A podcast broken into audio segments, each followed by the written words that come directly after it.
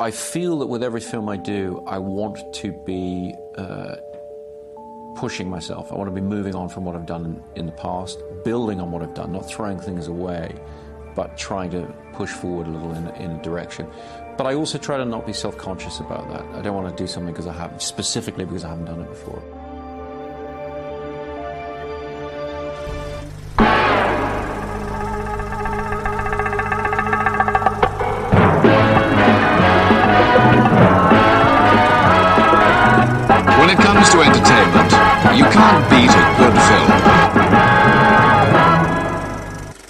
Goedemorgen, goedemiddag, goedenavond of wanneer je dan ook luistert. Welkom bij weer een nieuwe aflevering van Inglorious Rankers, de podcast waarin we films ranken van franchise tot filmjaar en van acteur tot regisseur. De komende drie afleveringen staan in het teken van regisseur Christopher Nolan. Samen met medefilmliefhebber en Instagrammer Paul Hazelhoff ben ik de uitdaging aangegaan de films van deze meester te ranken. Dat was geen eenvoudige taak, zul je begrijpen. Paul en ik hebben uitgebreid gesproken en ons beide persoonlijke rankings met elkaar gedeeld. Dit gesprek werd zo uitgebreid dat ik het heb verdeeld in drie delen. Natuurlijk zijn we ook reuze benieuwd naar jouw persoonlijke Nolan ranking. Deel het met ons via de social media kanalen. En dan kan ik jouw ranking, ranking eh, meenemen in een van de komende afleveringen. Voordat we overgaan naar het eerste deel van de ranking, wil ik eerst nog even kort stilstaan bij de ranking van vorige week, ranking Back to the Future. Patrick Brandt reageert via Insta met: Ik zie het als één film. Als je de eerste opzet, wil je de hele trilogie afkijken. En daar sla je wel de spijker op zijn kop. Zo is het gewoon. En hij vermeldt erbij: Weer genoten van je aflevering. Dank hiervoor. Ik maak deze podcast met veel plezier, zonder enig financieel gewin, puur op passie, gedrevenheid en liefde. Ik maak de afleveringen zoals ik ze zelf leuk vind. En dan is het natuurlijk helemaal geweldig als mensen hiervan meegenieten. Dus waanzinnig leuk om te horen. Films en series reageert via Insta. Ik denk de volgorde waarin ze zijn uitgekomen. Simpelweg 1, 2, 3 dus. Het Huisman reageert via Facebook. Mijn ranking 2, 1 en heeft 3 nooit echt af kunnen kijken. Voor hem is de serie slecht oud geworden, maar geeft daarbij aan dat gelukkig veel mensen er nog veel plezier aan beleven. De score van Alan Silvestri daarentegen staat hoog op zijn soundtracklijst. Alle bedankt voor de reacties, superleuk. Maar nu gaan we dan echt over naar de ranking van deze en de komende twee weken. Eerst een stukje muziek, een nummer van de soundtrack van Inception. Misschien wel een van de beste soundtracks gekoppeld aan een Christopher Nolan film. Muziek door Hans Zimmer. Dream is Collapsing. En dan door naar Ranking Christopher Nolan.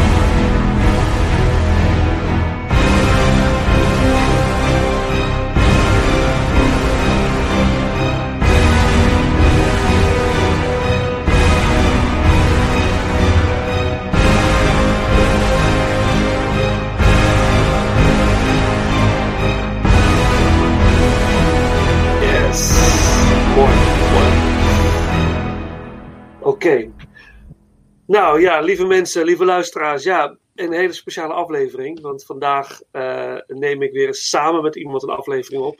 En dat vind ik ontzettend leuk.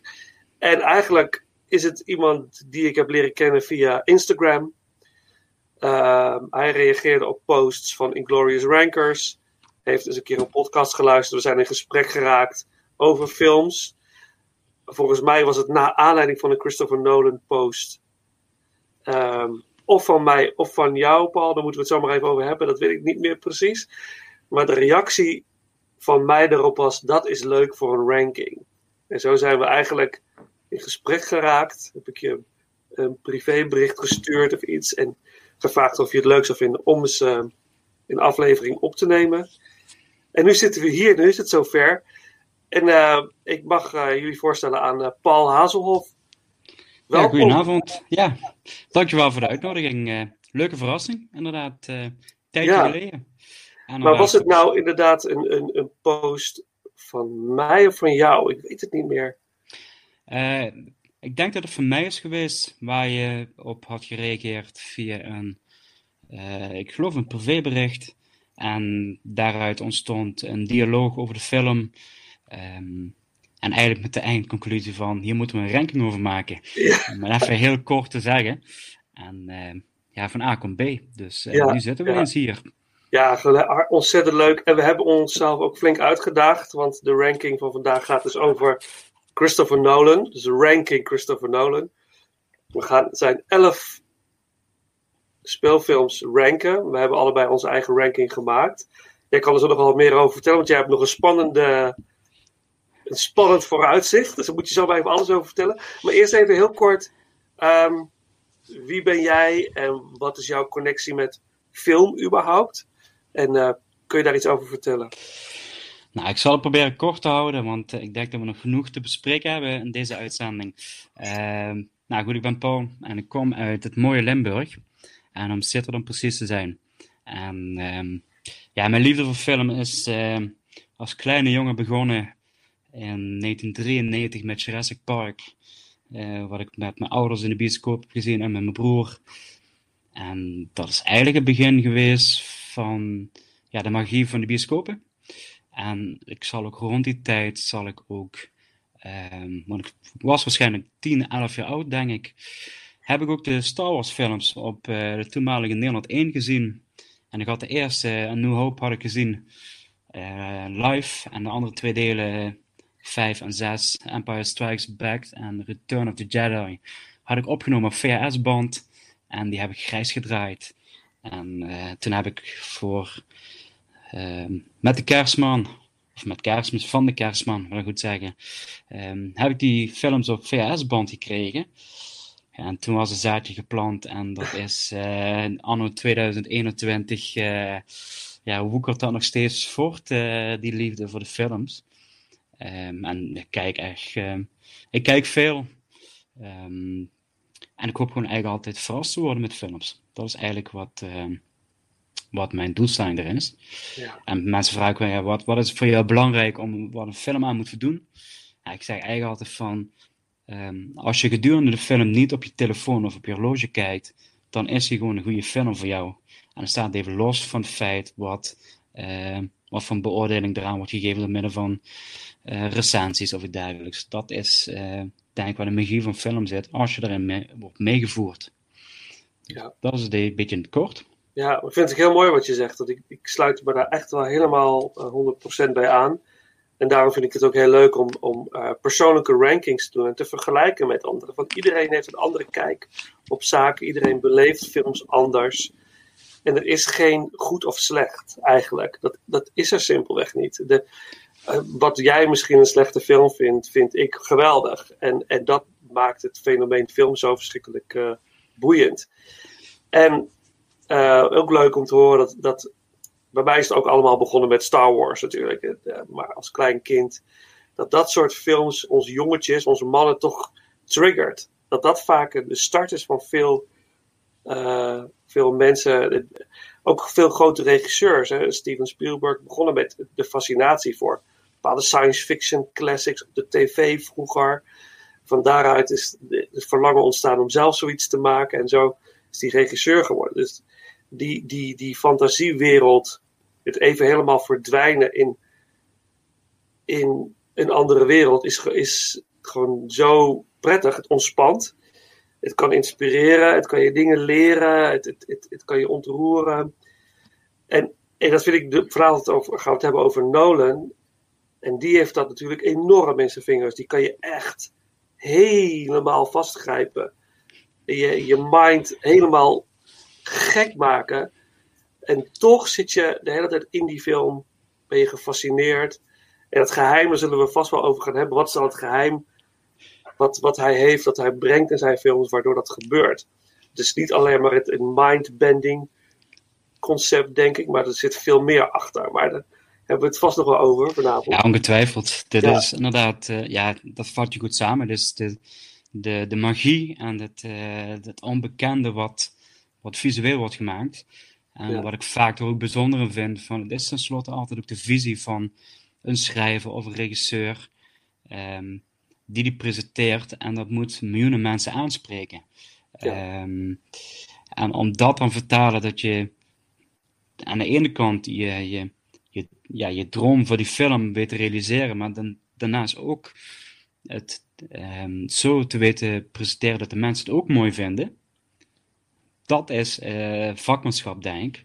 Ja. Um, en ja, dat, dat is wel op zich ook wel grappig van ja, de, de, eerste reactie die ik kreeg van een ranking over Christopher Nolan. Van, ja, je begint wel makkelijk. Uh, zegt dat klopt. Uh, ik, uh, ik hou van een uitdaging. En ja, het, ik heb wel eens af en toe achter de oren gekrapt de afgelopen weken van waar ben ik aan begonnen. Um, ja. ja. wat je juist ook al zegt, van een kleine teaser en een beetje ook wel een leuke, leuke gimmick om te zeggen van ja, ik, mijn top 3 staan ik niet vast. Dus nu we zelfs zijn begonnen, is mijn top 3 nog helemaal niet uh, veilig vastgestaan. Want dat zeggen we eigenlijk een beetje de, ja, de, de, complexiteit van, van hoe ga je deze films rangschikken. Ja. Want eigenlijk stiekem, ja, je doet het sneller fout dan goed, om zo maar te zeggen. En ik weet gegarandeerd, en dat lijkt me ook wel wel leuk, van, ja, je gaan reacties op komen. En ja, dat, dat vind ik ook een mooie films, juist de reacties van dat je met elkaar kunt discussiëren. En, ja. Ehm, maar ook natuurlijk de parallellen, wat alle films met zich meedragen. Dat is iets waar, ik, uh, waar we ongetwijfeld ook op gaan terugkomen. Ja, zeker, zeker. Ja, mijn top 3 staat sinds uh, einde van de middag, heb ik die gemaakt. In mijn definitieve ranking. Ik ben er gaan schuiven geweest, maar uiteindelijk kon ik niet om de nummer 1 heen. Daar kom het natuurlijk uiteindelijk op uit, maar kon er niet omheen. Dit, dit, ik kon er gewoon niet omheen. Dit was het, dit is het. En als mensen het niet met me eens zijn, zien we wel. Maar uh, dat maakt ook helemaal niet uit, want het is een persoonlijk, uh, persoonlijk ding. En uh, wat je zegt, als ik niet op je horloge hoef te kijken en de film doet iets met me, waardoor ik het gevoel heb van ik, moet, ik kan die keer op keer op keer weer kijken, dan, dan zit je wel goed. Maar het is en blijft, het blijft persoonlijk. Absoluut. En als ik, ik heb ook even teruggekeken. Um, even kijken. Ik, ik heb zo te zien heb ik maar drie van de elf heb ik niet in de bioscoop gezien. Oh, en, ja. Uh, dus dat, dat is voor mij dan ook wel weer van de, um, ja, de beleving van een moment in de bioscoop. Uh, hoe, uh, hoe komt de film binnen en hoe reageert de zaal? Hoe reageer ik zelf? de mensen waarmee ik de film kijk, hoe reageren zij? Um, ja. De dialoog die er later ontstaat. Ik, ik heb zo nog steeds ehm, ja, bij, bij een aantal films gewoon echt ja, memento's die ja. uh, aandenkens die, ja. uh, die me bijblijven van dat was toen we in de bioscoop hebben gezeten om die film te kijken. Ja, gaaf. ja, ja, absoluut. Maar daar kom ik zeker nog op terug. Ja, gedurende... dat, dat deel ik met je. Ik deel dat met je. Ik heb ook bijna alles van hem in de bios gezien. En ook inderdaad weer de nummer 1. Dat deed iets met me in de, in de bioscoop. Ik zal er straks wel over vertellen. Dus dat, dat is dat gevoel. Wat dat, die, ja, misschien is het al wel nostalgie bijna, weet je wel. Dat zou, al die films zijn dus al geweest. uit het afgelopen jaar natuurlijk zijn laatste, voorlopige laatste film uitgebracht. Tenet. Dat is mhm. ook alweer een ver verleden. Bijna. Ja. Er zoveel gebeurt in de wereld uh, momenteel. Um, maar uh, wat is jouw... Um, ja, je fascinatie met Nolan, dat is wel duidelijk. Dat is, die delen we ook inderdaad. Dat van hoe is het toch mogelijk dat je zulke gecompliceerde films maakt, maar dan toch voor zo'n enorm breed publiek aantrekkelijk bent en blijft. Maar wat is, wat is jouw eerste kennismaking geweest met, met Christopher Nolan? Wat, voor, wat was de eerste film die je van hem zag? En deed het al iets met je? Ik geloof dat de eerste film ehm, Batman Begin was. In, ehm, even kijken, 2005. En dat uh, was ook in mijn studententijd. En um, daar, aanleiding daarvan heb ik, heb ik uh, de, de, de, voorgaande films toen bekeken. En eigenlijk sindsdien ook geen film meer gemist in de bioscoop. Ja. Um, wat, ja, Nolan is, Nolan is voor mij eigenlijk een filmmaker die, waar ik eigenlijk blind een kaartje verkoop. Um, dan hoef ik niks voor te zien, geen trailer. Um, daar koop ik gewoon gegarandeerd een kaartje voor. en wat voor film het ook is, uh, hij weet me, of hij weet gewoon heel vaak, en bij mij is het wel het geval, te vermaken. Dat ten eerste. Ja. En dan ten tweede krijg je de complexiteit van zijn films, de, de gelaagheid die erin zit, die uh, ja, bijna benoemswaardig is en bewonderenswaardig van hoeveel gelaagdheden er in een film kunnen zitten. Ja. Maar dat niet alleen dat uh, het ook weten te vertellen op het doek dat de kijker het meekrijgt. Uh, ja. De ene keer lukt het beter dan de andere keer. En dat, dat is ook iets waar ik ook wel op terugkom, uh, deze podcast. Mhm. Maar dat is wel iets wat ik gewoon heel erg mooi vind aan Nolan. En daarnaast ook, uh, en dat is misschien wel een van de meest belangrijke aspecten van. Um, ik hou ervan als filmmakers, of het nou een schrijver of regisseur of producent is, als ze iets durven te doen. Um, of het nou in een, een, bepaalde franchise is of gewoon een compleet nieuwe film. Maar ik, Ja. ik kan ik kan heel erg waarderen als men gewoon iets probeert. En dan heb ik liever de gedachte van ja, goed, goed geprobeerd, maar dit is gewoon mislukt.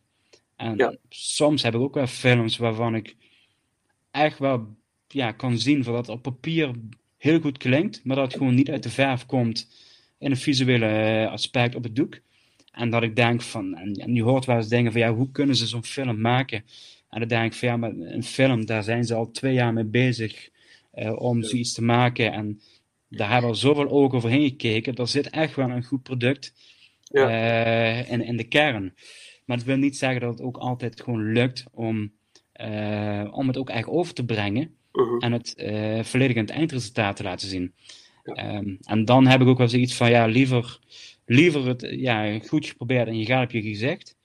Uh, dan, uh, ja, je, maakt, je krijgt een hele, ja, bijna saaie, veilige film. Ja. Um, en dat, dat is wat ik bij, bij Nolan ook absoluut heb van, hij heeft altijd, um, hij maakt zichzelf altijd op een bepaalde manier, volgens mij, ja, ik wil niet zeggen moeilijk, maar hij, hij wil altijd daar een, een draai aan geven. Um, om aan de ene kant denk ik voor zichzelf uit te dagen, maar ook om te kijken van hoe kan ik eigenlijk een, een, een vast gegeven of een standaard gegeven zodanig um, aanpakken en mee spelen, zodat het totaal afwijkt van hetgeen we al gezien hebben. Ja. ja. En ik denk dat daar de, ja, uh, de Batman-films en ook Dunkirk daar wel uh, misschien de, de, simpele voorbeelden van zijn van hoe kun je een bestaand iets naar iets transformeren, waardoor ja. Je echt op een goed niveau uh, ergens bovenuit kunt stijgen. Of dat je echt kunt afwijken naar de, de gemiddelde ja, 13 dozijn film, om even zo te zeggen. Ja, zeker. Ik, denk ook dat, dat, dat hij dan als regisseur. Ja, weet je, ik, uh, ik, heb, ik heb heel veel in de theaterwereld gewerkt, ook zelf geregisseerd. Ik doe dat nog steeds sporadisch. En nu hoop ik binnenkort weer wat meer. Maar het is wel zo. Kijk, ik heb ooit een keer twee verschillende producties gezien van de musical Blood Brothers. Dat is een hele indrukwekkende musical. En er waren twee verschillende producties van twee verschillende regisseurs. Zat er een jaar of anderhalf zat er tussen of zo. Nou, de eerste productie die ik zag was, ja, oké, was wel oké. Weet je, het was een mooi verhaal. Maar de andere productie die ik zag, die was zo verschrikkelijk knap geregisseerd. Dat was zo goed gewerkt met alle technieken die je kunt gebruiken in het theater. En de acteurs waren zo goed geregisseerd. Dat kon je gewoon zien. Die, en dat de halve zaal zat in tranen. Weet je?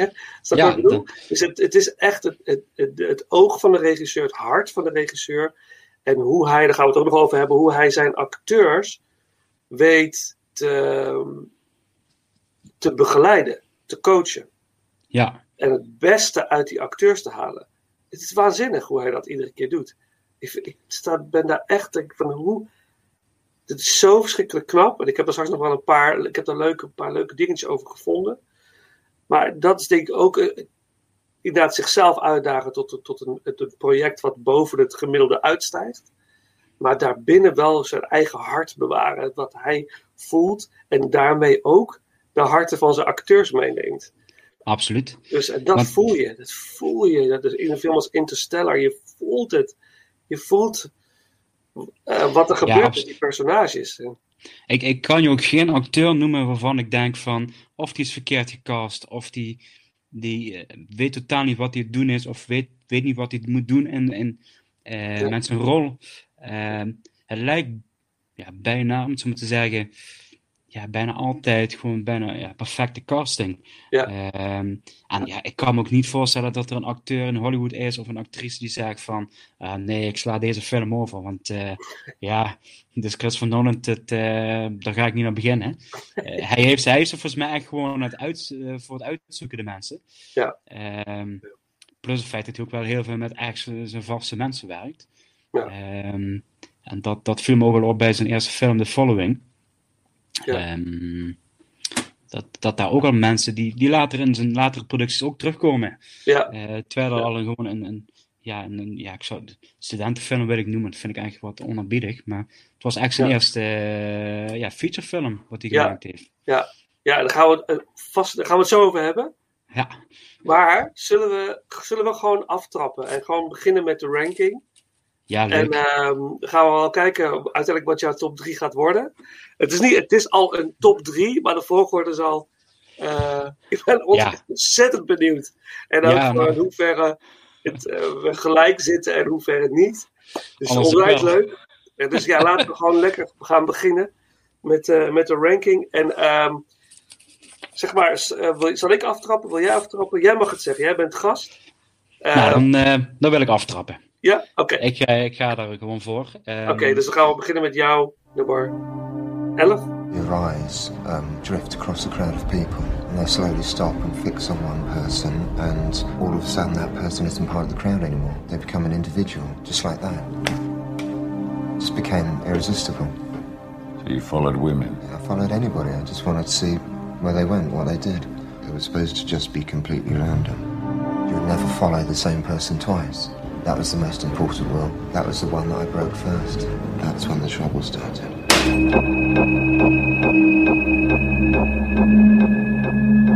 I got burgled yesterday. What's it feel like being uh, broken into? You're developing a taste for it. The violating, the voyeurism, it's definitely you.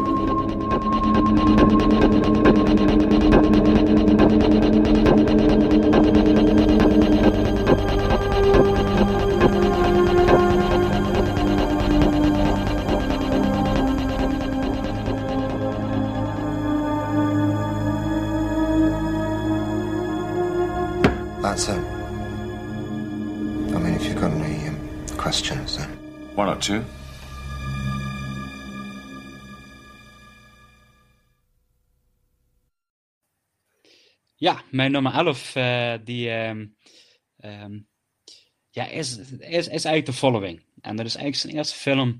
Ehm, en dat, eh, ik heb hem dan neergezet, eh, een beetje met een dubbel gevoel.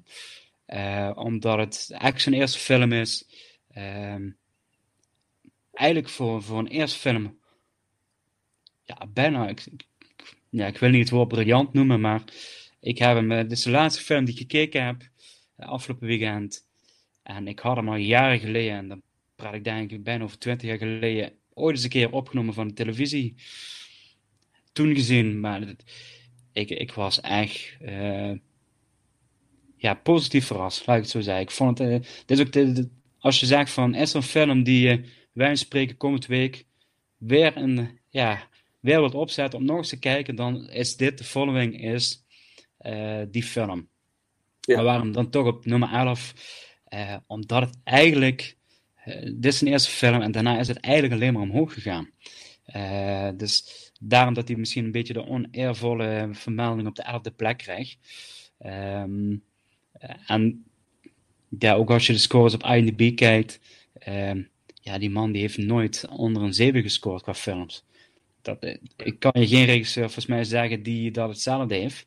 Nee. Zelfs eh, Spielberg die, die heeft volgens mij een film die onder de 7 zit. Ehm, dus dat, dat, dat wil wel iets zeggen voor een debuutfilm, zwart-wit, met eigenlijk drie, vier hoofdpersonen. Ehm, heel ingenieus geschreven verhaal. En eigenlijk daar zie je al gewoon de blauwdruk voor zijn toekomstige films. Ehm, het is direct zijn eerste, waar je vaak ook wat ziet bij beginnende regisseurs, dat de hele eerste film heel veilig is en heel standaard eigenlijk. En dat is wat ik precies bedoel van, hij gaat gewoon naar direct bij de eerste film, gaat hij gewoon, ehm, gaat hij het gewoon doen. Hij doet gewoon ehm, zijn trucje, en dat is misschien wat onaanbiedig gezegd, maar hij gaat er direct all in om te zeggen van, qua schrijfwerk, qua montage, eh, ik vond de muziek verbazendwekkend eh, eh, aanwezig. En eh, niet, niet qua hoeveelheid, maar dat ik direct dacht van wow, vaak is muziek een van de dingen die het laatste gebeuren waar ik vaak op bezuinigd word en dat soort dingen maar. Maar ik denk, die muziek, die manier van muziek, zo'n soundtrack, die heb ik in latere films al terug horen komen. Dus toen wist je al van dat, dat ja, bijna bombast en met de donkere tonen, daar is hij gewoon een grote liefhebber van. Ja, en dan in combinatie met Hans Zimmer, dan zit je helemaal goed natuurlijk. eh, Ja. Over. En deze Eh, film is trouwens, dit is de, de componist eh, David Julian. Waarschijnlijk ook gewoon een, een, een vriend van hem destijds. Ehm, en David Julian die heeft nog een aantal andere films gescoord. Memento, ehm, Insomnia en The Prestige. Dus hij is nog een paar keer teruggekomen ook als eh, mhm. componist. Maar ik, ik ga even, ik, ik ga met je mee in deze. Ik heb hem ook op Mhm. 11, following. En eigenlijk verwoord je het eigenlijk heel goed. Ehm, ik was verschrikkelijk gefascineerd door de film. Gelijk van het begin af aan al. Want het, het gaat ook over, over, een, over een man die eigenlijk, ja, het is, ligt een beetje in het midden of hij nou echt inspiratie zoekt voor zijn schrijverswerk. Of dat hij gewoon een soort van eh, verslaving heeft opgebouwd met het volken van mensen. Hij volgt willekeurige mensen om te kijken wat iemand dan op zo'n dag doet. En eh, hij probeert eigenlijk te doorgronden hoe zo'n leven in elkaar zit. En op een gegeven moment volgt hij iemand een tijdje en die draait eigenlijk de rollen om. Die gaat bij hem op een gegeven moment aan een tafeltje zitten en zegt van nou, je bent me aan het volgen. Oké, nou goed, wat wil je dan precies? Ja, dan gaat hij zeggen, ik ben het inspiratie aan het zoeken voor eh, mijn schrijverswerk. Maar in die end eh, krijgt hij zeg maar een soort van toestemming om hem te volgen, om met hem mee te gaan in, in de belevingswereld van de man die hij al volgde. En hij blijkt een inbreker te zijn. En samen gaan ze zeg maar inbreken in huizen. En die inbreker doet het ook met een soort van. Hij heeft een soort ehm, eh, goal, een soort doel waarmee hij dat doet. Hij wil dus eigenlijk door in te breken laten zien wat mensen eigenlijk hebben in hun leven. Door weg te nemen wat misschien belangrijk voor ze is. Dat is een beetje wat, hoe hij dat doet. Maar uiteindelijk is het een heel ingenieus spel wat er gespeeld wordt. Met een compleet, voor mij onverwacht einde. Moet ik zeggen. Ja, ja, Ik dat, Echt niet zien aankomen. geweldig. Ja, en, en hoe deze volstrekt onbekende acteurs je toch meteen weten te grijpen en te boeien. Mede door de regie van Nolan. Prachtig camerawerk. En, die, en de muziek is, is aanwezig op een hele. Dat is eigenlijk in alle Nolan-films. Heftig daar waar hoort, maar op de achtergrond zinderend aanwezig, waardoor je toch dat onheimliche gevoel Ja, precies. Het is, dit is inderdaad, eh, hij weet sfeer op te roepen. Eh, en je noemt het camerawerk van. ik- Soms wordt de camera ook zodanig gebruikt alsof je die derde persoon in die kamer bent, Ja. die meeloopt ehm, als derde inbreker, om het zo maar te zeggen. Want Ja. Je kijkt eigenlijk op een bepaalde manier met de schouder, over de schouder mee. En eh, ook sommige camerabewegingen, alsof je ineens van hoort er wat, dus de camera gaat ineens eh, of naar links of naar rechts. Waardoor je ineens, oh, even kijken de speaker, is er iemand of zijn we worden betrapt? Ja. En dat, dat, dat vind ik wel heel erg mooi. En wat ik daar ook wel mooi in vind in je ziet bij beide hoofdrolspelers, en misschien ook al de derde deels, eh, ze hebben een transformatie die ze doormaken. Ehm, en dat is iets wat je in al zijn films gewoon ziet. Alle hoofdrolspelers maken een transformatie door en zijn nooit hetzelfde zoals ze begonnen zijn als ze, eh, als ze op het einde zijn. En vaak, dat is natuurlijk vaak kritiek wat je hoort van ja, platte eh, karakters in films. Van ze beginnen en aan het einde, ja, ze zijn precies. Dat het, hebben we nog niet weten te ontdekken bij een Nolan film dat dat gebeurt. Van, soms, ze maken allemaal een transformatie voor, door. En ehm, soms bewust, soms onbewust. En dat vind ik wel heel erg chic. Ehm, en waar hij ook al mee speelt is met, eh, met de, de Hitchcock Double. Mhm. En dat is iets wat in, de, ja, in zijn latere werk heel vaak terugkomt. Eh, en dan wil ik dadelijk bij een andere film specifiek daarbij stilstaan om daar Ja, eh, wat meer tekst en uitleg over te geven. Ja, ja, is goed. Ik ben heel benieuwd. Ik ben heel benieuwd. Ja, weet je, deze film, het is eigenlijk, je zegt een studentenfilm, maar het is een van de eerste films, die, de eerste lange film. Budget van 6000 dollar. Dus een van de goedkoopste featurefilms die een redelijk succes werd ooit in de filmgeschiedenis. Dus een van de goedkoopste producties met een gigantische kwaliteit. Dat, dat zegt gewoon al heel veel over. Want als je nagaat dat een film, eh, die van Tommy Wiseau, The Room, die, eh, deze is een van de slechtste films ooit gemaakt, maar wel een classic. Je moet hem zien, hè? Fantastisch. Maar die is voor, wat was het, 4,8 miljoen of zo, 5 miljoen dollar. Dat, Ja. dat resultaat naast following legt, denk ik, ja, hier is wel ja, een meester aan het werk. 6000 eh, eh, dollar, zei je. Ja, Ja. ja, de film duurt ongeveer dik een uur. ja, Dus maak ze rekensom. Hoe, het- het- ja, dat is, dat is gewoon briljant. En als je dan kijkt Ja. naar de laatste films, wat daar van budget aan vasthangt. ja. Ja, dat is, dat is absurd. Maar Ja, mooi. Bizar. Ja, maar geweldig. En ook dat het ze heeft een jaar over deze film moeten doen. Omdat al die mensen waarmee die werkte allemaal fulltime jobs hadden. Dus het moest allemaal in het weekend worden opgenomen. En, eh, ja, en alles met een soort handheld camera opgenomen. Wat natuurlijk die, die sfeer geeft die je net benoemde al. Van alsof je er echt bij bent.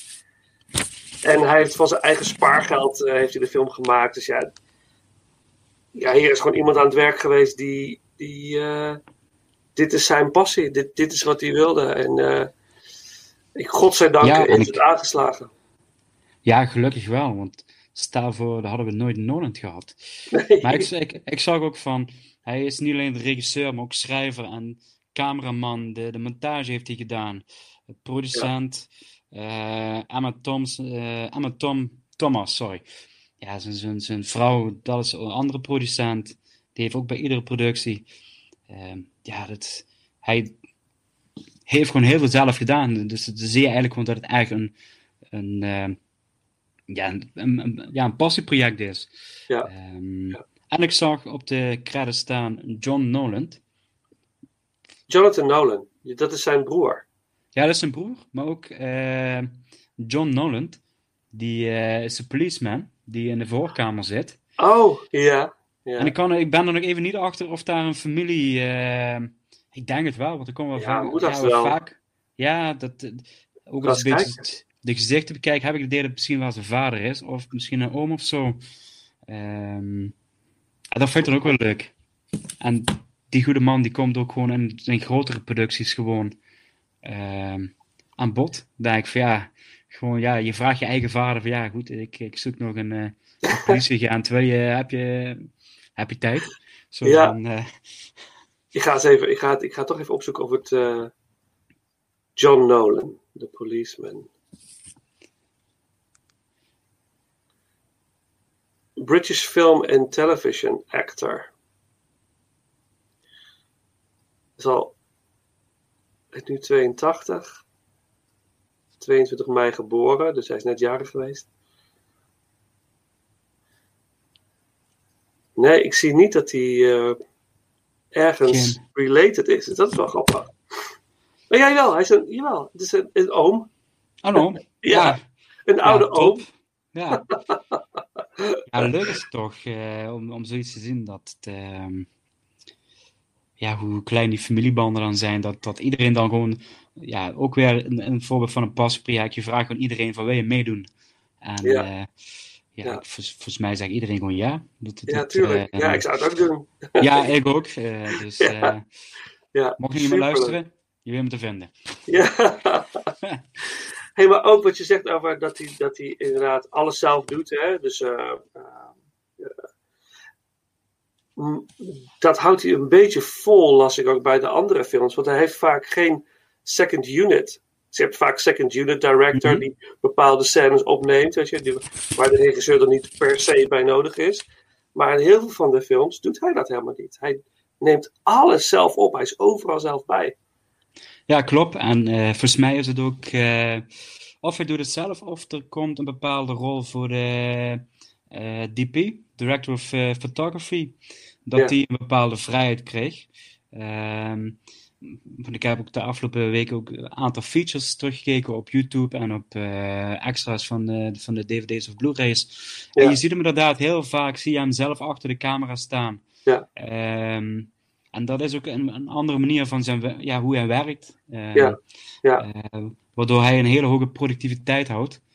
Ja. Eh, omdat hij bijvoorbeeld ook, het is niet toegestaan om stoelen op de set eh, te hebben, zodat niemand gaat zitten, dus zodat iedereen in beweging blijft.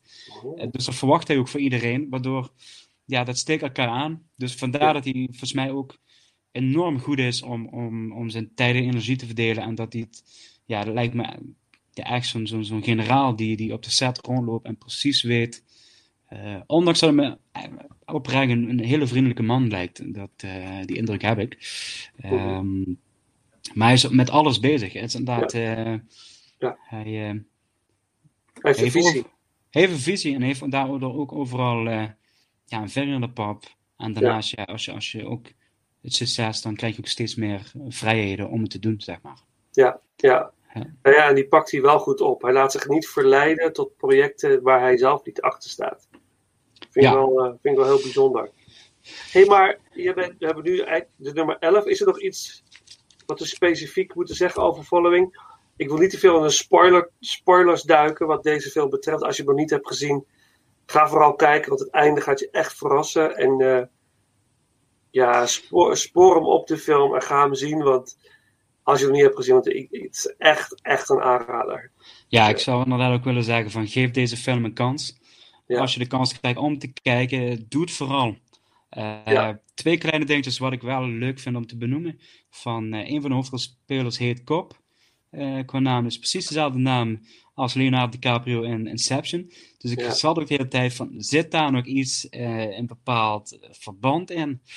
Ehm, en een van de woningen waar ze inbreken, die heeft, heeft Ja, een stip op de voordeur. Ja, van Batman. Van. Batman, ja. Ja, dat ja. Dat ik dacht van, ja, het zal toch niet. Dat, ehm, ja, dat vond ik wel echt zo'n zo'n zo'n zo'n gimmick dat ik dacht van, ja, wauw, dit, dit is wel Ja. echt... eh, Ja, en wie had ooit gedacht dat hij in 98 deze film uitbracht en dat hij eh, zeven jaar later, ik zeg het goed, ja, zeven jaar later eh, gewoon zijn eerste Batman-film presenteert. ja, ja, dat vond ik wel een leuke, leuke trivia Ja. om, om er nog wel even Ja. te benoemen. Ja, zeker. Ja, absoluut. absoluut. Hey, voordat we dan overgaan naar nou, jouw nummer 10 dan in dit geval, want 11 delen we. Mhm. Daar zitten we al. het begin is gelijk. Kijken waar het heen gaat. Ja, precies. eh, voordat we dan naar eh, die eh, nummer 10 gaan, ehm, even een stukje van de soundtrack van Following. En dat heet, het nummer heet gewoon Following Theme. En de muziek is van David Julian. yes.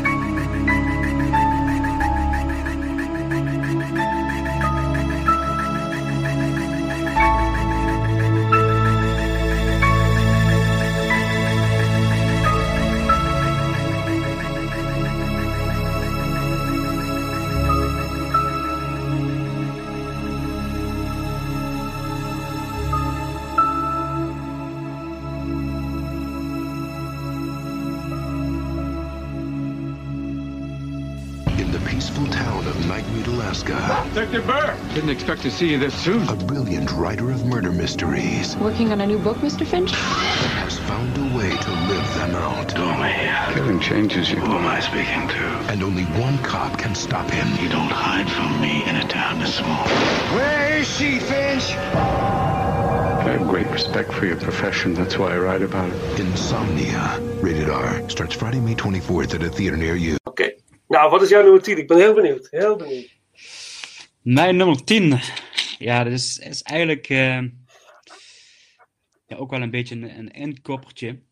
Eh, Insomnia. Ehm, de film uit, even kijken, het jaar 2002. Eh, met Al Pacino en Robin De Niro. Nee, sorry, zei ik. Oh, dat is een fout. Dat is Heat. Williams. Robin Williams, ja. Ja, de, de, de- Maar je zit, je zit, ik, vind de verspreking wel heel logisch hoor. Want het is ja, Al Pacino, ja. Robert De Niro is natuurlijk wel een soort van gelijkwaardig. eh, Ja, absoluut. absoluut. Eh, waar ik ook absoluut niks tekort wil doen aan Robin Williams. Nee. Ehm, maar die, is, ehm, ehm, die staat bij mij op nummer 10. En dat is eigenlijk, eh, heeft meer mee te maken. En als ik ook goed kijk, is het ook ja, de laagst scorende film van Nolan wat betreft IMDb. Ehm, eh, het is een remake van een Noorse thriller met Stellan Skarsgård in de hoofdrol. En die krijgt eigenlijk maar 1 tiende meer qua score, een 7,3. Dus het geeft eigenlijk al aan van hoe goed deze remake eigenlijk is. Ja. Al had ik ook niet de indruk dat het origineel ook niet echt een hoogvlieger was. Ehm, met sommige de Scandinavische films wel echt juweeltjes tussen kunnen zitten. Ja. Ehm, ik vind het, wat ik, wat ik bijzonder aan deze film vind, is dat het, eh, deze film leunt heel erg op de, het kat-en-muisspel tussen de hoofdrolspelers eh, Al Pacino en Robin Williams eh, en de sfeersetting die wordt gedaan. Ehm, het speelt zich ook af ehm, ehm, ja, in, het, in het noorden, om zo te zeggen, waar ook inderdaad geen nachten voorkomen. Ik ben even de twijfel of het zich ook echt, ja, volgens mij speelt in Canada af. Geloof ja, Alaska even. volgens mij. Of Alaska, inderdaad. Ja. Dus waar de zon eigenlijk niet ondergaat. En die setting vind ik gewoon heel erg mooi gemaakt. Eh, van, eigenlijk vanaf de eerste minuut. Ik vond ook ehm, een aantal scènes heel mooi gemaakt. Ook de, de- ik weet, de, er is een achtervolgingsscène te voet eh, tussen de twee hoofdrolspelers. Ehm, zelfs twee, maar eigenlijk alle twee zijn, zijn die echt heel spannend gemaakt en ook eh, heel dik op de huid. Mhm. Heel sfeervol. Ehm, maar als je het allemaal wegneemt, is het eigenlijk een redelijk standaard verhaal.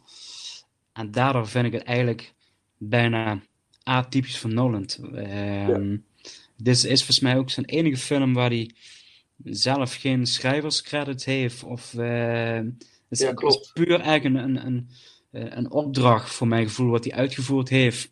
Ehm Het is ehm, ehm, ja, zijn tweede film.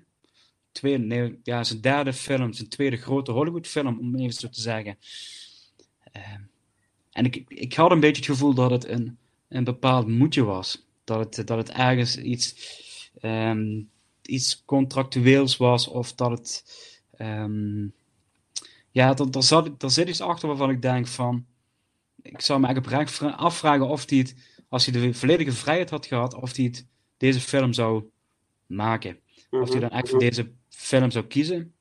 Mhm. Ehm, en dit is eigenlijk een klassieke whodunit film. Ja. Eh, jacht op een, op, een, op een moordenaar. Ja. En dat is wel een thema wat ik, wat ik eigenlijk al hoop dat hij nog eens een keer in de toekomstige films, dat hij, dat hij eh, zo'n type film gaat maken. Mhm. En dan een beetje in vergelijking met Seven. Zo'n in, in die Ja, ja. context van een, eh, of een Zodiac-achtige Ja. film. Dat, dat, dat onderwerp zou ik, wel, zou ik hem nog wel eens willen zien doen. Ja. Maar dat is, ja, dat is voor mij waarom hij op de tiende plek staat. Dat het eigenlijk een, een ja, is eigenlijk een, een redelijk standaard film. Ja. Eh, niet meer, en het, het stijgt het eh, niveau uit dankzij de hoofdrolspelers. Al Pacino en eh, Robin Williams. Die ik echt goed vind acteren in deze film. En ook een aantal bijrollen, die zijn ook goed bezet. Ja. Ehm, ehm, ik denk voor het materiaal wat hij gekregen heeft, dat hij het maximale eruit gehaald heeft. Ehm, maar meer ook niet, denk ik. Dat is, dat is een beetje zoals ik de film uh, beleefd heb en ja, uh, ervaar, zeg maar. Nou, voor mij ligt hij, zit hij iets hoger, niet veel hoger. Dus ik zal er straks uh, zal ik er even op terugkomen. Over wat, wat, ik, van de, wat ik van de film vind. je hebt een aantal hele goede punten aangestipt, denk ik wel. absoluut. En ik, ik denk ook zeker als je het vergelijkt met de stijl en de manier waarop hij, waarop uh, Nolan een verhaal vertelt in de, in de andere films die hij heeft gemaakt, is het wel wat zegt, een, een soort van, ja, is dit, is het een soort opdracht geweest van, oh, zou je dit alsjeblieft willen doen? Of zou, uh, misschien uh, is het wel een soort van deur geweest die open ging voor hem om daarna weer meer groots, iets groter te kunnen gaan. Dat weet ik niet. Maar uh, het is inderdaad wel, het is, het is een vrij standaard uh, film. Maar het overstijgt het standaardniveau door de manier waarop het gefilmd is. Uh, de, de, de score, de filmmuziek, vind ik ook weer. Het is, het is bijna af en toe, dacht ik even bij, bij deze film toen ik hem terugzag is dit nou muziek van Howard Shore, weet je, de man die ook de muziek maakt voor Silence of the Lambs. Maar soms heeft het die sfeer een beetje, maar het is toch inderdaad muziek van uh, David uh, uh, Julian weer. Ehm, ja, maar ik zal dadelijk meer erover. Ik zal er straks Zeker. wat meer over uitweiden. Ehm, maar laten we dan in ieder geval wel een stukje van die soundtrack draaien. Uh, van uh, het, nummer Let Me Sleep door David Julian. En dan straks zullen, we daar meer iets dieper op ingaan, op dat fenomeen, want daar wil ik wel heel even kort over hebben nog. Uh, maar, dus laten we daar naar luisteren en dan gaan we naar mijn nummer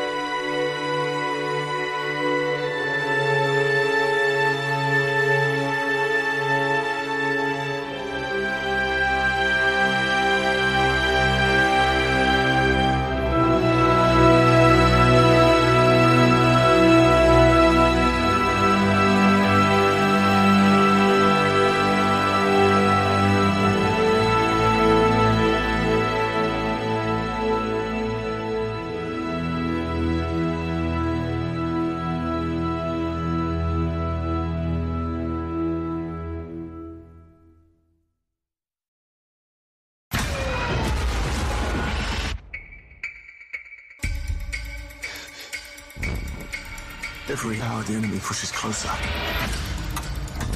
Can't we evacuate? It's no. impossible.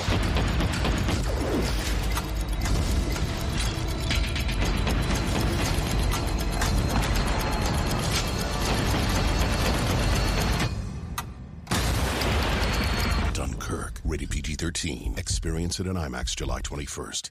10.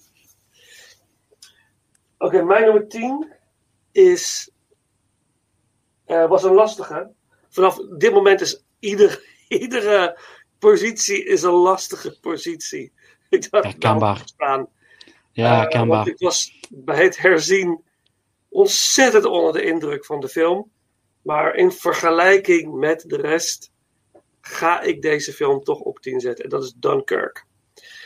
Voor mij is Dunkirk de nummer 10. Ehm, en wel, ja, goed. Het, het is een. een ehm, het is een verschrikkelijk goed gemaakte film. Het gaat over de, de, ja, de ontsnapping bij Dunkirk. Hè, waar ze de, de, de Engelsen eigenlijk willen ontsnappen. eh, met de Duitsers nog op, op hun hielen. Ze moeten van het strand af zo snel mogelijk. Maar ze worden eigenlijk ook belaagd van alle kanten. En eigenlijk zijn er. eh, eh, het gaat over twee jongens, eigenlijk één echte protagonist die je de hele tijd volgt. Die eh, ehm, zijn kans schoon ziet om mee te liften op een, op een schip. eh, door een lijk eh, mee te nemen. Of, is hij al dood? Volgens mij is hij dood. Nou, het, is, het, is, Hij- het zijn van, van die ziekenbroeders die, Ja. die gewonden Ja, precies. dragen door, Ja. door het slagveld. Ja, maar hij is En, geen eh, ziekenbroeder. Nee, hij, is- hij heeft zich er inderdaad gehaaid ertussen geduwd, om het even zo te zeggen, door een bepaalde brutaliteit. Ja. Eh, en wat ik op zich wel snap eh, in die tijden. Absoluut. Ja, Ja. absoluut. Dus dat is ook weer mooi. Want direct aan het begin van de film denk je, ja, eigenlijk wat je doet, eigenlijk kan het moreel niet wat hij nou doet. Gewoon misbruik maken van de ellende van de ander om jezelf te redden. Maar je gaat wel gelijk mee. Je denkt van ja, wat zou ik zelf doen? Ik zou eigenlijk hetzelfde doen, want ik wil overleven. Ik moet hier weg. En hij krijgt dus de kans op als hij dat, eh, die zieke meeneemt, samen met nog een andere gast, om met het eerstvolgende schip van dat strand te vertrekken. Want die zieken worden allemaal meegenomen en de gewonden. Nou, dat gaat hij valikant mis, dus hij blijft eigenlijk vastzitten op dat strand. Eh, en en dat, daar, daar gaat het eigenlijk over. Je leert eigenlijk niet heel veel over de persoon zelf. Dat blijft allemaal heel vaag. Dus het is niet echt een karakterfilm waarin je meegaat met iemand. Je krijgt eigenlijk meer een overzicht van de events. Weet je, wat gebeurde er? En eh, eigenlijk zie je een deel op het water. Zeg maar de, de mensen die van verschillende kanten de, de, de vastzittende militairen willen helpen. Dus er komen Mhm. allemaal kleine schipjes, ook gewoon de burgers die hun bootje pakken en naar het strand gaan om mensen te helpen. En je ziet een deel in de lucht. Dus op zee, echt te land, te zee en in de lucht is het eigenlijk. Ja, ja, absoluut. Ja, het zijn eh, drie eh, verhaallijnen die, eh, die door elkaar geweven worden. Ja. Ehm, ehm, ja, herkenbaar. En dat, ja, ik kan ook wel zeggen dat Dunkirk voor mij ook, ook niet hoog scoort, om het zo maar te zeggen. Mhm. Ehm, ik, ik vind het vooral een technische, spannende en fascinerende film. Verhaaltechnisch, en dat wat je eigenlijk aangeeft, is het, is het redelijk eenvoudig voor, Ja. voor, eh, voor de rest van de films. Ja. En ehm, er zijn inderdaad drie verhaallijnen en dit is ook zo'n korte film met 106 minuten. En eh één verhaallijn, het gaat over de piloot die, die een actie moet uitvoeren. Dat speelt ongeveer een uur af. Dan heb je de, eh, de soldaat waar je naar vernoemt. Dat is Ja. ook een verhaallijn wat zich in een dag afspeelt. En dan heb je nog ja, de bootjes, de burgers die de soldaten gaan redden. Ja. Ehm, En dat speelt zich ongeveer een week af. Ja. Ehm, en dat is ja, wel ontzettend ingenieus gemonteerd. Dat, Ja. dat vind ik wel. ehm, dat was een van de films toen ik naar buiten liep in de bioscoop van. Die moet ik nog eens zien, puur alleen voor eh, de chronologie. Eh. Want sommige scènes sp- spelen zich al af terwijl nog de aanleiding daartoe moet nog gebeuren. En je denkt van waarom zinkt die boot, om maar even zo te zeggen. Wat is daar gebeurd? En Ja. dat komt dan bijvoorbeeld in, in de tweede of de derde acte komt dat terug. Ja. Ehm, en dat vind ik dan weer het, het mooie van deze film. Van een heel simpel gegeven hij zichzelf zodanig zo ja, bijna complex en ingenieus te maken dat hij eigenlijk denkt van hoe kan ik deze oorlogsfilm ehm, ja, afwijkender maken dan gewoon de, de, de bekende oorlogsfilms die we hebben gehad. Ehm, en dat maakt, vind ik, wel de kracht van Dunkirk. Ja, Ehm, eens. maar ik vind het wel een beetje de, ja, ik zou bijna zeggen, de vreemde eend in, in de bijt. Ja, In, ja, in, in, het, in het totaalplaatje. ja, ja. Ja, absoluut. Absoluut. Ja, nee, eens, eens. Ja, het, het- dat, de film is, is geniaal geschreven. Dat is gewoon zo. En, en de, wat ik heel mooi vind, dat is natuurlijk ook weer de, de bijdrage van Hans Zimmer. Weet je, de, die muziek, de, de tikkende klok op de achtergrond de hele tijd. Ja, Alsof je wacht, er gaat iets gebeuren, er gaat iets gebeuren. Er zit een continue spanning in. ja dus dat, het is de dat hele tijd spannend. Snap Het je? is inderdaad Ja. 100 minuten lang is gewoon die spanningsboog die staat echt op standje 10, Ja. om zo te zeggen. Ja. Vanaf de eerste seconde, je wordt erin gesleurd en Ja. het gaat door. Waardoor ze eigenlijk ook een beetje de symboliek willen nabootsen van dat de oorlog, dat de jongens die er zitten voortdurend over hun schouders aan het kijken van kan de vijand ieder moment Ja. naast me staan, achter me staan, kan ik aangevallen worden. Ja. Eh, ja, dat, is, en daarom zeg ik, ik vind het Ja. technisch gezien de, ja, eigenlijk een, een, een briljantje, om zo te zeggen. Technisch gezien, montage, camerawerk, muziek. Ja, Ehm, maar de Ja. film zelf, al voor een oorlogsfilm mis ik dan een bepaalde elementen. ja, En Ja, het wordt wel aangestipt, heel snel. En, Ja. ehm, maar het, het was een beetje. Ik, ik had eigenlijk het idee van dat het. eh, hij wilde iets van een oorlogsfilm wilde hij presenteren, maar het moest wel binnen deze kaders blijven. Ja. Het was echt van eh, zonder opmuk, gewoon Ja. recht toe gaan. Dit is het, dit is wat ik wil laten zien. Ehm, Ja. En de rest ja, wordt een beetje genegeerd, onerbiedig eh gezegd. Ja. Ehm, maar binnen dat kader, daar doet hij wel hetgene, en ook voor de acteurs, ehm, ja, wat van hun verwacht wordt om, om de ellende van de oorlog, wat je als jonge soldaat meemaakt, wordt er wel in ge, ja, goed gebracht, zeg maar. Ja. Denk je ook dat, eh, dat hij een beetje weg heeft willen blijven van vals sentiment? Want ik vind dat bijvoorbeeld als ik dan kijk naar Schindler's List van Spielberg, wat ik trouwens ook een meesterwerk vind, is bij Spielberg al altijd zo net op de grens liggen van. Ga je, wordt het, ga je dit nou doen om, om mij gigantisch aan het huilen te krijgen? Of ga je. Bij Schindler's List had hij, de perfecte balans, vond ik. Dat, ik weet toen ik daar naar de bioscoop ging, Schindler's List.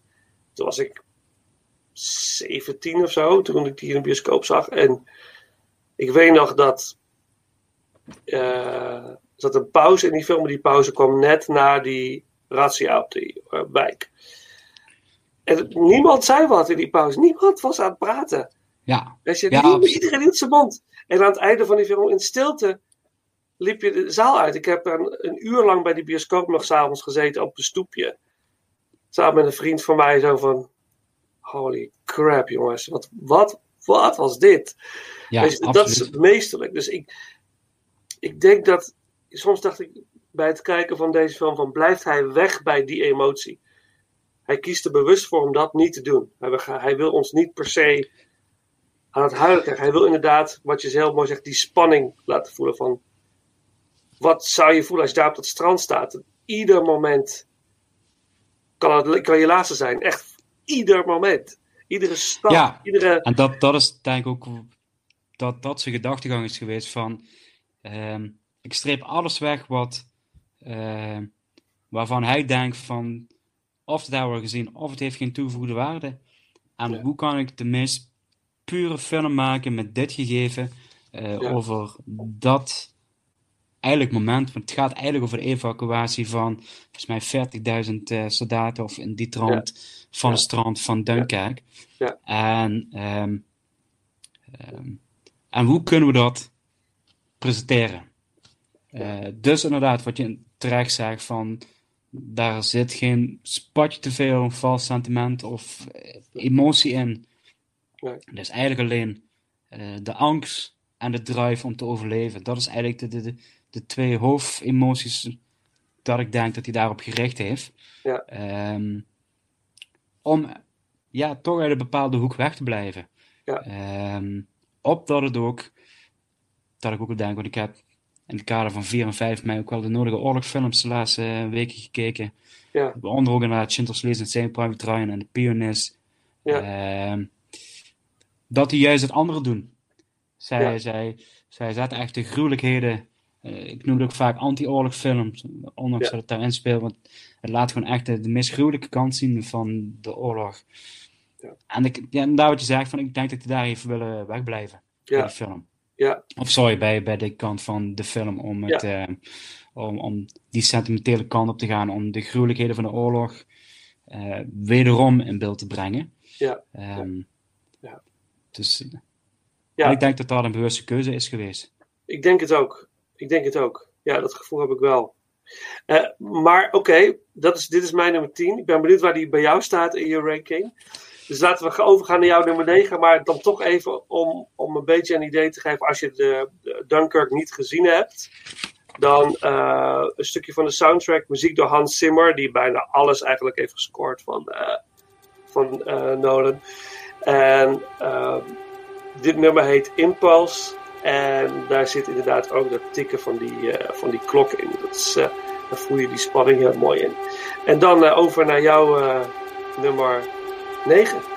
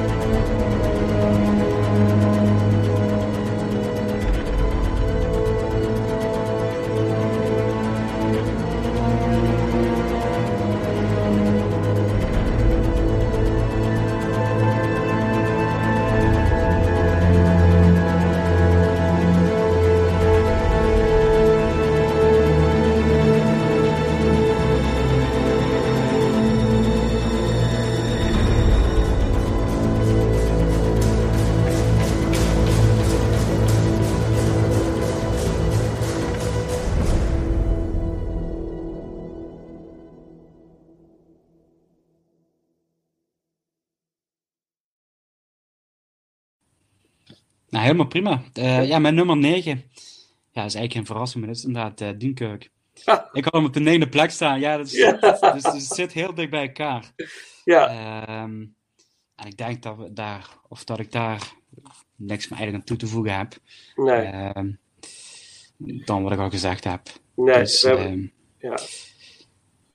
Ja, nee, het is, ik, ik zou ook niet weten wat we nog verder moeten zeggen. Ik vind wel, als je hem niet hebt gezien en je twijfelt nog van moet ik hem gaan zien, doe het gewoon, want het is gewoon wel een Nolan meesterwerkje, maar het, het is niet, het heeft niet de, eh, ik weet niet, Je- misschien voor sommige mensen ook wel, hè, dat maakt het ook weer heel persoonlijk. Eh, maar ehm, ja, ja, kijk, dat is wel een interessante nog even voor, want in die muziek, ehm, de sound design voor de film heeft Nolan dus een bepaald soort, het heet de Shepard tone gebruikt. En het is eigenlijk een, een, een eh, bepaalde noot die heel subtiel zich herhalen, zeg maar. Maar het wordt steeds hoger.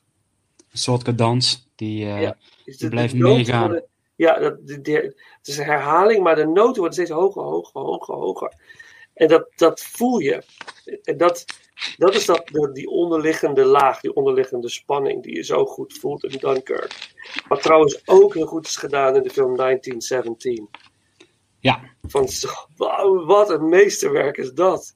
Zo. Ja, daar kunnen we, kunnen we een andere keer over hebben. Gaan we een andere keer over hebben. We gaan de Ranking ik ook, uh, Maar daar zit ook lang over praten over die film. Ja, toch?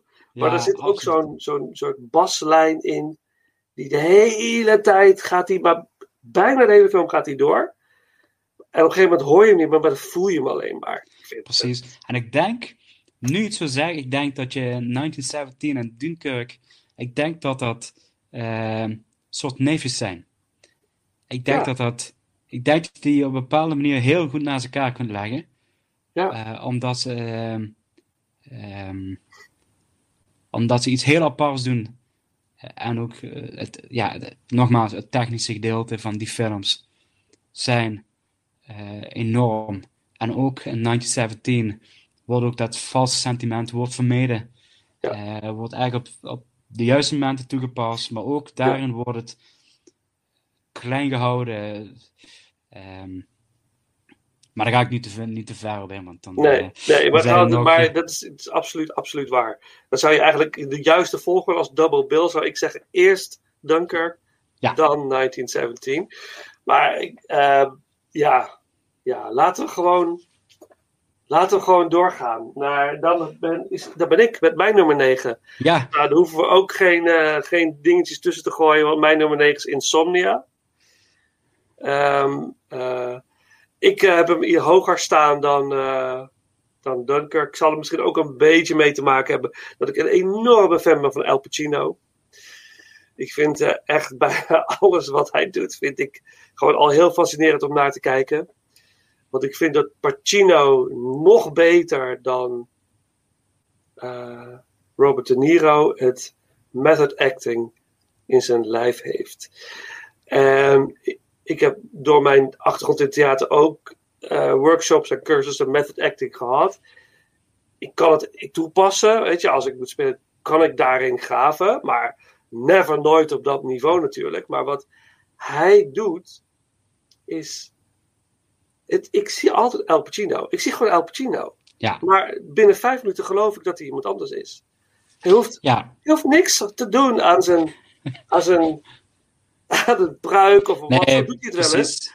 Maar het, ik, ik ga gewoon helemaal mee. En ik geloof alles. Ja, zo- zoals je net zei. Je ziet altijd, dit is Al Pacino, dit is niet de mis, dit is mis. Ja, Ja. karakteristieke kop die je kunt hebben, om het zo maar te zeggen. Maar toch, hij weet je altijd eh, eh, een geloofwaardig een personage neer te zetten. Ja. En dan, eh, ja, laat maar even in het midden wat voor, eh, ja, wat voor kwaliteit film het is. Maar het is wel altijd van... Ja. Ik heb Ja. wel altijd het idee dat, dat hij er wel eh, ja, 100% van gaat. Minimaal. En voor sommige films, zoals dan eh The Irishman, als een van de laatste films, eh, grote films, ja, daar gaat hij dan 200% voor, om zo te zeggen. Omdat hij dan gewoon eigenlijk alles aangeleverd krijgt wat hij nodig heeft. Ja. Ehm, Ja. dat, dat is wel zijn ding, zeg maar. Ja, nee, absoluut. Helemaal mee eens. En ik denk ook dat naarmate die ouder wordt, dat je ook denkt van oké, dit zijn wel misschien wel mijn laatste projecten die ik doe. Dus dan ga ik, eh, ja, wat in Insomnia twee eh, detectives uit de stad gaan naar Alaska om daar een moordenaar te vinden die een moord heeft gepleegd op tiener. Dat is eigenlijk een basic het verhaal. Eh, ergens op de helft van de film komen we erachter, denken we erachter te komen, oké, dit is waarschijnlijk de moordenaar. En daar, dan krijg je dat kat-en-muisspel tussen Pacino en Robin Williams. Eh, ja, ik vond, het, ik vond het fantastisch om die twee samen te zien. Ze zijn totaal verschillende acteurs. Ook de manier van Mhm. acteren is heel anders. Maar toch op een of andere... Het wringt, maar het matcht ook. En dat is precies wat die film nodig heeft. Want het Ja. moet springen tussen die twee. En als je nooit Ja, denkt- absoluut. ja, als je nooit denkt van. Je kan nooit van beide kanten trouwens. kon je geen hoogte krijgen. Van gaat Pacino dan mee in zijn wereld? Of of nou weer niet? Of heeft Robin Williams nou door dat hij niet meegaat of wel meegaat? En dat is de, dat psychologische spel, dat, dat begint ook bij jou door te werken. Dat vond ik heel interessant in die film. Ja, En en ik- ja. als ik daar een voorbeeld in mag noemen van als je de film, ja, je hoeft hem niet te kijken, maar als je één scène moet kijken, dan zou ik de ferry.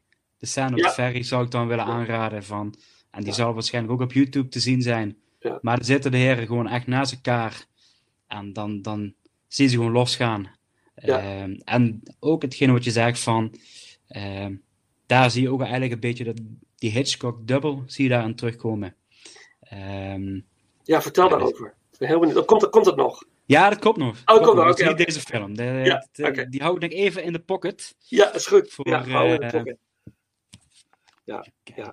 Ja, nee, nog geen spoilers. Geen spoilers. Nee, nee, nee, maar wat, wat zo mooi is aan het, het gegeven Insomnia is natuurlijk. ehm, ik, heb een, ik heb een DVD van Insomnia waar een leuk extra op staat. Misschien heb je dezelfde, ik weet het niet. Maar er staat een hele korte documentaire op over mensen die echt insomnia hebben. Insomnia hebben. Dus het, het is een extra documentary. ehm. Ehm, en als je dat, dat bekijkt, dat als je dat, dat hebt, insomnia, echt insomnia, dan kun je dus niet meer normaal functioneren. Het gaat gewoon niet meer. Je kunt niet meer auto rijden, je kunt niet meer werken, je kunt, je kunt niet meer eh, eigenlijk een gewoon gesprek voeren met iemand. Eh, het- je hele leven verdwijnt. Als in een soort mist, hè? Wat ik ook in insomnia ook heel veel gebeurt. En die mist eh, waar, eh, waar, hij, eh, waar ze elkaar zeg maar, soort van voor het eerst in treffen in die mist. En dat kan niet echt zien, maar ze weten dat, dat ze er zijn. Dat is, die, dat is al de eerste teken van zo'n insomnia. Je ziet het allemaal niet meer helder. Je ziet het niet meer. Je, je maakt verkeerde keuzes. En dat zit er helemaal, helemaal in, door die film heen verweven. Het is puur een schimmig, een schimmige wereld. Ja. Het vervaagt ook, en dat is ook wat bij de personages gebeurt, van het is niet zwart-wit, ze zijn alle twee grijs. Ja. Eh, ik zou bijna durven te zeggen van, ze hebben eigenlijk alle twee in een bepaalde kern gelijk. Ja. Eh, praten daad ook niet goed. Dat is ook op een gegeven moment ook een onderwerp in de dialoog die voorbij komt van ehm, ehm, de motivatie waarom iemand het zou hebben gedaan, begrijpelijk, maar praat het dan goed om iemands leven te, eh, te ontnemen. Ja. Dat is even, en die schimmigheid, dat is inderdaad ook wel mooi parallel inderdaad met insomnia, slapeloosheid. Van dat, je, dat je het gewoon niet meer ziet, dat je dat, de, de, de waarheid begint te vervagen en, en begint door elkaar heen te lopen. Ja, Dus, ja. ehm, Ja, heel absoluut. fascinerend. En natuurlijk het insomnia gebeuren is het feit dat Pacino uit de stad is gewend om gewoon s'nachts in principe te slapen. Maar hij kan die slaap niet goed pakken omdat het daar niet nacht wordt. Het is, er is wel nacht, maar het, het blijft, de zon blijft schijnen. Het blijft licht. Dus het wordt niet donker en zoals wat wij gewend zijn. Ja, en dat, dat doet iets met hem. En hij wordt, daar, hij wordt langzaamaan gewoon knettergek. Ja, Heel- zijn, gemoed begint, eh, zijn gemoed begint af te takelen. Ja, ja. En dat is, eh, ja, zet hij, vind ik, gewoon heel stoer neer. Ja, ja absoluut. en, en een mooi ding over de opnames is dat inderdaad, je hebt Pacino, Robin Williams, en die twee die hadden allebei een andere manier van werken. En dan kom ik even op dat, regis, dat vakmanschap van Christopher Nolan. Want Pacino wilde heel veel praten over zijn rol. Van oké, hoe ga ik dat doen? En hij moest daarover praten. En hij moest dat in zijn lijf krijgen. En, eh, en hij wilde dan ehm, eh, vaak maar weinig takes. Weet je wel, gewoon oké, ik heb het nu, ik heb het nu, oké, nu kan ik het doen. Nu heb ik het, nu, nu. Weet je wel? En dan Robin Williams daarentegen, die wilde he- bijna helemaal niet praten. Die wilde gewoon lezen, spelen. En dan heel veel takes. En, en eh, Hilary Swank, zeg maar even de bijrollen, de dame die eigenlijk eh, de touwtjes aan elkaar knoopt uiteindelijk, die wilde, die had, oké, maximaal vier takes, want anders ben ik mijn concentratie kwijt. En op een of andere manier wist Nolan de vrede te bewaren op die set. En iedereen zo te behandelen, dat hij kreeg wat hij nodig had. En daardoor krijgt hij die kwaliteit. Hij kijkt naar, naar zijn mensen. Wat heeft die, hij nodig nu? om, om te, voor elkaar te krijgen wat ik wil eigenlijk. Dat is natuurlijk manipulatie ten top, maar op een goede manier. Maar ik vond het, ik vond het wel een mooi detail om. Uh, Absoluut, ja. En dat, dat, ja, dan, dan, ben je, dan ben je goed. Als je, als je Echt. ja, alle, alleen die drie namen die je noemt, als je die uh, ja, gezamenlijk in de ruimte kunt zetten en Ja. eh, de goede vrede weet te behouden.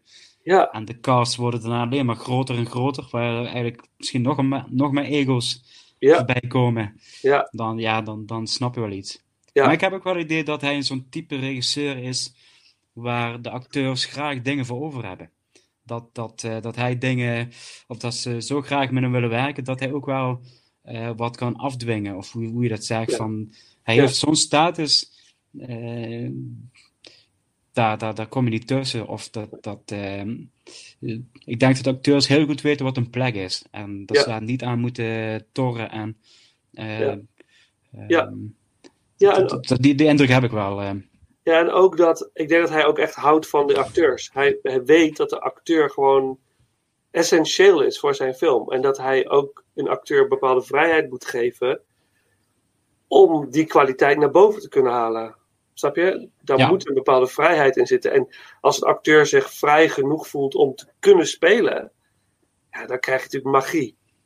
Dan krijg je de maximale resultaat. Ja, dus Ja. Dat, ik denk dat hij dat als geen ander kan. Maar goed, oké, mijn nummer 9 is dan Insomnia. We hoeven niks te gaan doen eh, met een soundtrack, hebben we allemaal al gehad. We gaan door naar eh, jouw nummer 8.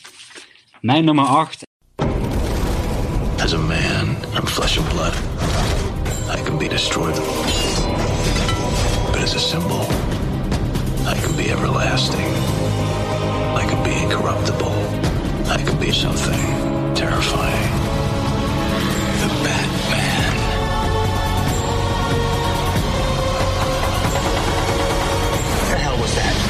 Just some nut. Batman Begins. Rated PG-13. In theaters and IMAX June 15. En nu begint het wel echt eh, redelijk kritisch te worden met de ranking. Ja. En eh, nu, nu, nu begin ik wel wat, wat, wat eh, puntjes te zweten, om het zo te zeggen. Maar op mijn nummer 8 staat eh, Batman Begin. Aha. En eh, dat heeft eigenlijk de, de keuze voor, voor Batman op de achtste plek te zetten. De eerste Batman-film uit 2005. Ja. ehm, heeft voor mij eigenlijk ermee te maken van dat het. ehm ehm, voor een comicboekverfilming is het, is het zijn veiligste film die hij gemaakt heeft. Dit is de eerste Batman-film. ehm, hij, hij, hij kleurt binnen de kaders die hij heeft. En weet dat echt top te benutten. Dat, ehm dit is ook gezegd, het is de eerste Nolan-film die ik in de bioscoop heb gezien. En ik weet dat ik echt, echt enthousiast er buiten liep. Dat ik echt dacht van, oh, ik wil een tweede film zien. Ja. Ik was gehyped. En ehm dus hij weet, hij weet dat heel goed. Ehm wist hij dat de bronmateriaal op zo'n manier te behandelen. Met een bepaalde realistische benadering. En, ehm, eh, maar toch de, ja, de, de, de, de fantasiewereld wat een comicboekwereld kan hebben. Om die toch ook in, in zijn film te stoppen. En dat doet hij met meerdere films. Dat hij eigenlijk altijd wel een bepaalde ehm, een stukje fantasie heeft of een stukje ehm, iets, iets ja, absurds, waar hij eigenlijk ook altijd mee wegkomt. Het is altijd dan nog, ondanks dat het echt iets verzonnen is, hij komt ermee weg om het rela- relatief realistisch te maken. Ja. En dan moet ik in deze film bijvoorbeeld denken aan de manier zoals hij de Scarecrow de, de, heeft neergezet door, door zijn, eh, met, met drugs en dat mensen hallucinaties krijgen. Ehm, waar je natuurlijk enorm met de bocht kunt vliegen door er echt hele absurde, gekke dingen van te maken. En één scène is ook wel een beetje het randje. Maar eh, ondanks dat weet hij het wel gewoon, weet het toch binnen die kaders gewoon echt realistisch te houden. Ja. En dat. ehm, en voor de rest is het gewoon echt een origin film van Batman. En ook hoe dat ehm, wordt opgezet. ehm, vind ik gewoon heel, heel goed gemaakt. En ook het begin van echt de trilogie. Daar, daar, daar had ik al direct, en dat had ik ook bij het herzien van deze film, van eh, het is niet alleen een eerste film, maar het voelt ook gewoon van, er komt meer. Ja. Dat, daar zit al iets waar Marvel nu natuurlijk enorm eh, potent op heeft om overal eh, ja, referenties en eh, allemaal ja, zaadjes te planten. Dat was in die film ook al, maar zo subtiel en zo doordacht. en niet zo dik bovenop leggen. Ehm, waardoor het dus ja, heel fijn vond om, om, om ernaar te kijken, zeg maar. Ja. Ja, en plus, ja, ja, wat een cast. Als je voor, voor een Batman-film zo'n cast kunt bij elkaar halen van, van Christian Bale, gewoon als, als Batman zelf, waar ik, waar ik echt toen de tijd verrast was dat hij Batman ging spelen, want het was toen de tijd toch wel ook een behoorlijke, misschien nog wel een behoorlijke lastpak. In elk geval, eh, hij had zijn trekken, laten we het zo zeggen. En dan in, in een Batman-pak te gaan kruipen, wat je bijvoorbeeld weet, dat zal niet comfortabel zitten. Het wordt echt enorm op je humeur, eh, wordt dat, eh, wordt de proef gesteld. Ja, Michael Caine. ja, absoluut. Michael Caine en dan eh, Liam Neeson, Ja. Killian Murphy, Ja. om maar even een paar te noemen. Gary Oldman. Gary, oh ja, Gary Oldman. Ja. Dat vind ik eigenlijk, dat durf ik nu al te zeggen, maar ik vind Gary Oldman eigenlijk misschien wel de hart van alle drie de Batman-films. En dat is iets waar ik, eh, daar komen we later op terug. Ja. Maar ik, dat is, hij is eigenlijk eh, een soort, op een manier de verteller. En eigenlijk de, degene die erboven staat. Eigenlijk een soort vaderfiguur, niet alleen voor Batman en Bruce, moment dat zijn ouders eh, vermoord worden. Geen spoilers, want dat is algemeen bekend. Ja. Maar dat. En zo briljant om dan Gary Oldman, wat eigenlijk vaak als slechterik wordt gecast. En wat hij ook uitstekend kan, eh, dat is Leon en Fifth Element, maar dan gewoon eh, als een soort vaderfiguur eh, voor, voor niet alleen voor Batman, maar ook voor Gotham.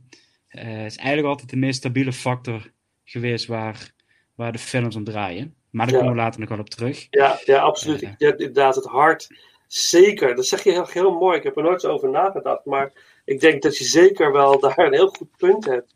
Net als eh, Michael Caine dat is. In, eh, het zijn die stabiele personages.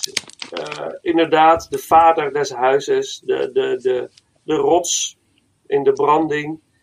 Dat zijn ja, echt heel mooi. En natuurlijk, ja, hij pioneert met deze film.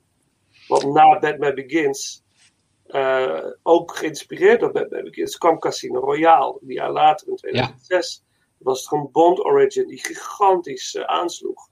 Dus het hele Origin-idee op een bepaalde manier was, was geboren eigenlijk. eh, was daarvoor natuurlijk ook wel een beetje met Spider-Man al een beetje in gang gezet. Ja, maar die films Maar- zoals Spider-Man en ook de eerste X-Men films, die, die hadden het ook altijd weer zo'n bepaalde gekleurdheid en bepaalde... Ja. Alsof je echt naar een comicboek zat te kijken. Ja. bepaalde bontheid, bonte kleuren bedoel ik ermee. En, Ja. en dit was eigenlijk donker en grauw. En ook, Ja. je snapte Batman ook, in, of Bruce Wayne, je snapte hem volledig. Ja. Eh, die Ja. psychologische benadering van eh, ja, de trauma van je ouders verliezen, de woede waar hij mee loopt, wat Bale gewoon heel goed, eh, heel ingetogen, maar je ziet hem gewoon echt ja, van binnen worstelen met die boosheid. Ja. En ehm, ja, dan de transformatie naar Batman als ja, ja, miljonairsjongen. eh, wordt er ook, en dat, ook nog in combinatie met het bedrijfsleven Ja. van eh, Wayne Enterprise. eh, Ja. Hoe daarmee wordt gespeeld van ja, de grote heren die regelen het wel en dat jochie dat zetten we aan de kant. Maar aan de achterkant is hij, gaat er hier heel clever mee om. Ja, en dat levert ook een paar hele leuke scènes op. Ja. Vooral als ze die onderdelen gaan bestellen. Van ja, als ze gewoon 10.000 bestellen, dan valt het niet meer op. Ja. Dat die, masker, eh, die maskers en dat soort dingen. Of dan lassen we dit wel in elkaar. Ja. En eh, ja, een productiefout. En dan ja, dat, dat Michael dan heel droog op zijn Brit zegt. Ja, dan moet je hem niet op je hoofd vallen. En Dat soort dingen. Want dan kun je letsel oplopen. Ja, en ook, ook met ja, de vaardigheden die Batman heeft. Zoals je altijd van met, met, met, met verdwijnen, met magie en dat. Ja. Worden gewoon op een hele realistische manier in de, in de ninja-cultuur uitgelegd van. Ja, het zit allemaal Oosters en daar is hij opgeleid en vandaar dat hij zo stil kan bewegen. En, Ja. ehm, Dat, dat is wel vond ik een van de mooiste momenten in de bioscoop. Van dat hij dan voor het eerst in de grot komt als volwassen, als hij terug is. En eh, al die vleermuizen die stijgen omhoog. En hij staat er in die wervelwind van vleermuizen. En die muziek Ja. zwelt op. Ja. Ja, dat, dat denk ik van. eh, Dan weet je, waar je wat voor Batman film je aan het maken bent. Ja, Wat daar ja, gebeurt. het. Dat, dat zijn van die scènes waar, waar je nog geen ja, pak hebt gezien. Maar je weet, daar staat Batman. Dat is gewoon duidelijk. Daar, daar is iets. eh, daar groeit iets. Daar, daar, Ja. daar, daar komt die transformatie eh, vandaan. vandaan. Ehm, Ja, zeg je mooi, zeg je mooi. Ik vind ook dat, wat je zegt over die emotie waar hij mee worstelt, die boosheid. Ik weet dat Christian Bale, las ik ergens, dat hij eh, Batman zelf wilde spelen als een gedreven door woede eh anti-held eigenlijk. Hè? Echt gedreven door, door agressie en woede.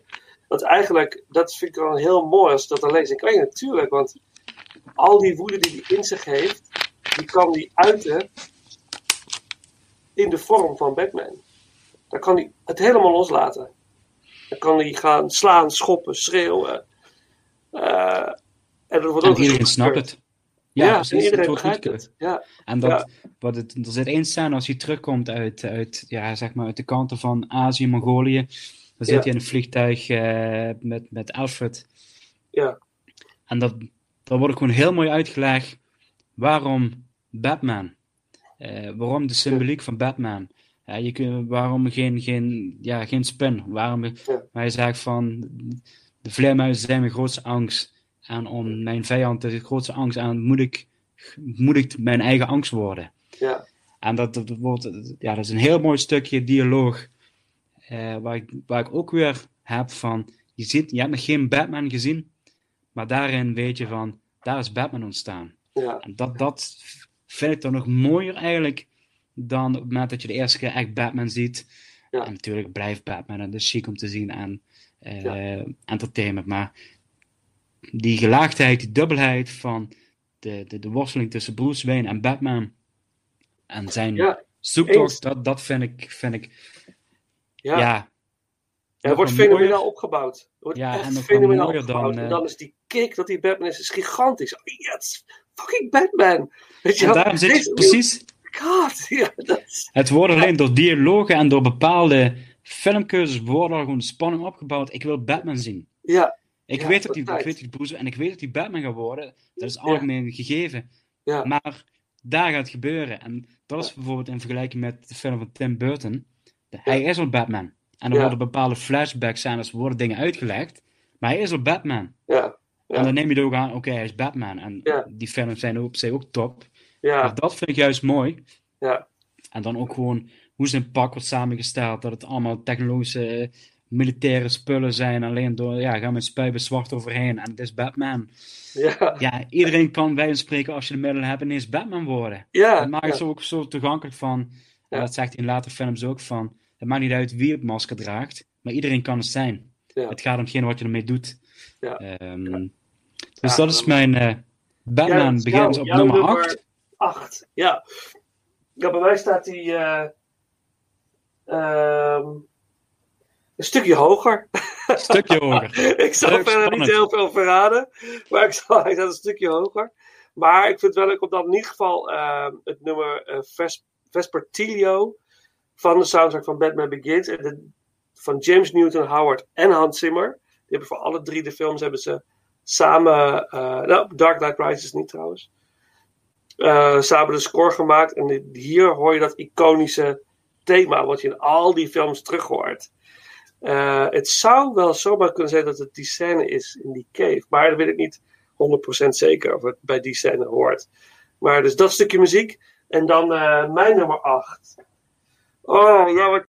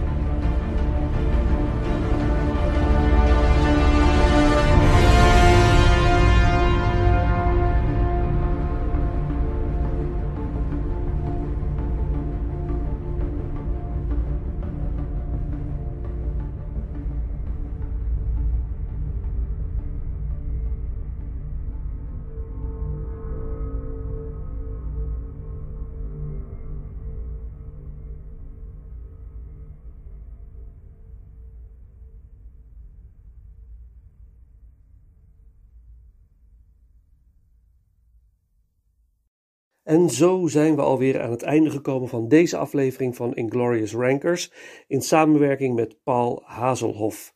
Volgende week gaan we verder met het tweede deel van de ranking. Laat in de tussentijd vooral weten wat jouw Christopher Nolan ranking is. En we sluiten deze aflevering af met een nummer uit de film Tenet, een nummer van Travis Scott, The Plan. Voor nu, bedankt voor het luisteren en tot de volgende ronde.